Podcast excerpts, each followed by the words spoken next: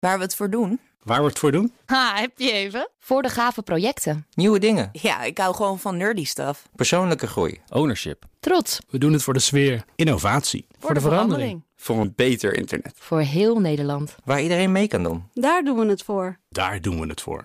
Waar doe jij het voor?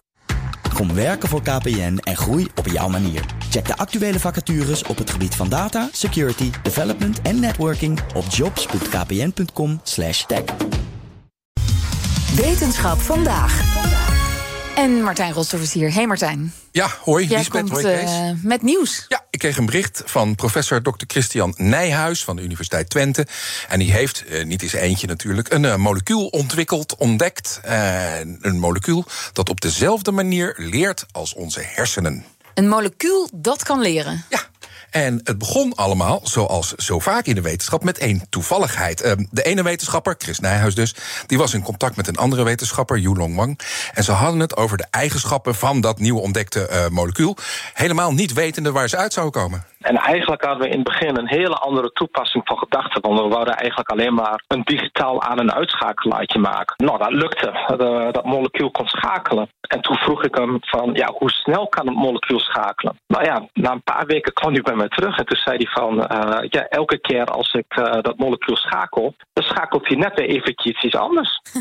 nou, toen zei ik direct, dat molecuul kan leren. Dat is een lerend molecuul. En eh, toen realiseerde ik me eigenlijk al meteen vlot... eh, dat het een soort gelijke gedrag is als eh, onze hersenen ook leren.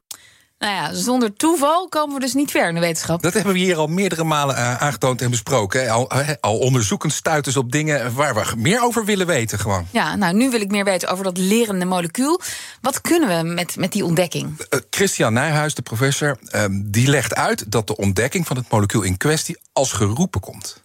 Ja, we hebben namelijk een groot probleem. Het is eigenlijk een wereldwijd probleem. We kunnen ontzettend veel met onze computers. En nou met big data, self-driving cars kun je voorstellen dat overal gigantische hoeveelheden informatie binnenkomt. En dat moet verwerkt worden. Nou, die verwerking van die informatie kost ontzettend veel energie. De Facebooks en de Googles, eh, ja, die eten eigenlijk alle energie op van de windmolenparken. Ja, dat is natuurlijk niet helemaal de bedoeling. Maar er is nog een andere supercomputer. Die zit letterlijk tussen onze oren. Dat zijn onze hersenen. Die kunnen ook gigantische hoeveelheden informatie verwerken. Maar dat doen ze energetisch voor een prikkie. Uh, om je een idee te geven, onze hersenen die lopen op 20 watt. Maar voor de beste supercomputer, om de complexiteit van onze hersenen na te bootsen, hebben ze 20 tot 30 megawatt nodig. Dus dat is een miljoen keer zoveel. Onze hersenen zijn dus heel erg energie-efficiënt. Een miljoen keer efficiënter dan een supercomputer. En nu is er dus dat hele zuinige nieuwe molecuul. Maar begrijp ik het dan goed dat je met dat nieuwe molecuul, of nieuw ontdekte molecuul, super energiezuinige supercomputers kan maken? Ja, dat heb je helemaal goed begrepen. Ehm, omdat dat molecuul precies op dezelfde manier informatie verwerkt als de synapsen in onze hersenen. In theorie natuurlijk, hè. het is nog niet zover. In het laboratorium werkt het, het is technisch mogelijk. Maar eh, die he- heel zuinige supercomputers die heel veel data kunnen verwerken. Maar er is nog iets anders met dit molecuul. Die moleculen zijn klein per definitie. Dat heeft grote voordelen. En dat legt weer de weg open voor hele kleine, hele zuinige computers. Zoals bijvoorbeeld in je telefoon, maar ook in een zelfrijdende auto. Probleem van een zelfrijdende auto is dat er heel veel camera's op zitten. Er zitten zelfs eh, radarsystemen op. Nou, de hele omgeving moet geanalyseerd worden. Loopt er iemand op de weg? Steekt er net iemand over? Is er ook nog een fietser? Hoe snel gaat je ongeveer? Dus er komt heel veel informatie binnen en dat moet verwerkt worden. Nou, dat kan nu allemaal wel, maar de computer en de rekenkracht die er nou voor nodig is, verbruikt zoveel energie dat zeg maar de, de batterij van je elektrische auto in no time leeg is. Ja, dan kun je ook niet meer verder rijden. Nou, als je nou chips kunt ontwikkelen die dezelfde rekenkracht hebben als onze hersenen, maar ook dezelfde energie-efficiëntie hebben van onze hersenen. Nou, dan zouden dat soort technologieën allemaal gewoon mogelijk moeten kunnen zijn. En dan zouden bijvoorbeeld ook slimme apparaatjes in ons lichaam eh, energie-efficiënt genoeg kunnen maken, zodat real-time personal care heel goed een mogelijkheid zou kunnen worden. Dus ja, dit soort technologieën opent wel heel veel nieuwe deuren. De nieuwe deuren, die zijn geopend.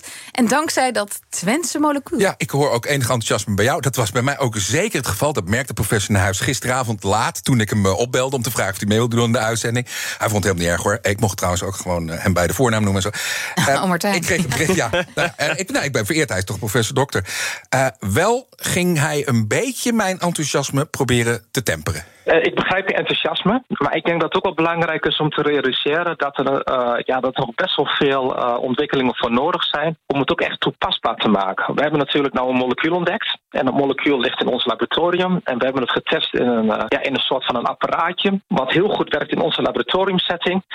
Maar om het echt te werken te krijgen in bijvoorbeeld een rijdende auto of in een mobiele telefoon of in een sensor als onderdeel van Internet of Things, ja, er moet nog wel heel veel engineering bij komen kijken. Dus ik hoop dat in de nabije toekomst uh, dat we ook bedrijven kunnen vinden uh, die ook geïnteresseerd zijn, zodat we bijvoorbeeld kunnen samenwerken om dat soort toepassingen te realiseren. Ja, dat betekent dus ook heel veel voor de energietransitie. Ja, zeker. Ja, ja. En deuren zijn geopend, maar dus nog niet morgen te koop. Nee, dat gaat nog wel even duren. Maar met een beetje investeringen natuurlijk. Uh, de menselijke denkkracht van mensen als professor Nijhuis en, uh, en, en, zijn collega's... kan het allemaal best snel gaan. Maar dan, dan is dat dus de volgende stap in de quantum computing? Dit is misschien niet wel. quantum. Dit is transistortechnologie. Oh, maar dus maar dat zou gecombineerd kunnen worden misschien wel? Ja, misschien ja. wel. En we hebben dus ook een beetje toeval dus nodig. Je hebt altijd toeval nodig, want toeval gaat ons redden, Lisbeth. Nou, dankjewel, Martijn Rosdorf. Wetenschap vandaag is mede mogelijk gemaakt door Brightlands. Knowledge Crossing Borders. Ook Hugo Reitsma vind je in de BNR-app. Superhandig die BNR-app. Je kunt alle programma's live luisteren, breaking nieuwsmeldingen. Je blijft op de hoogte van het laatste zakelijke nieuws. En je vindt er alle BNR-podcasts, waaronder natuurlijk de belangrijkste, Boeken zijn in de wijk. Download nu de gratis BNR-app en blijf scherp.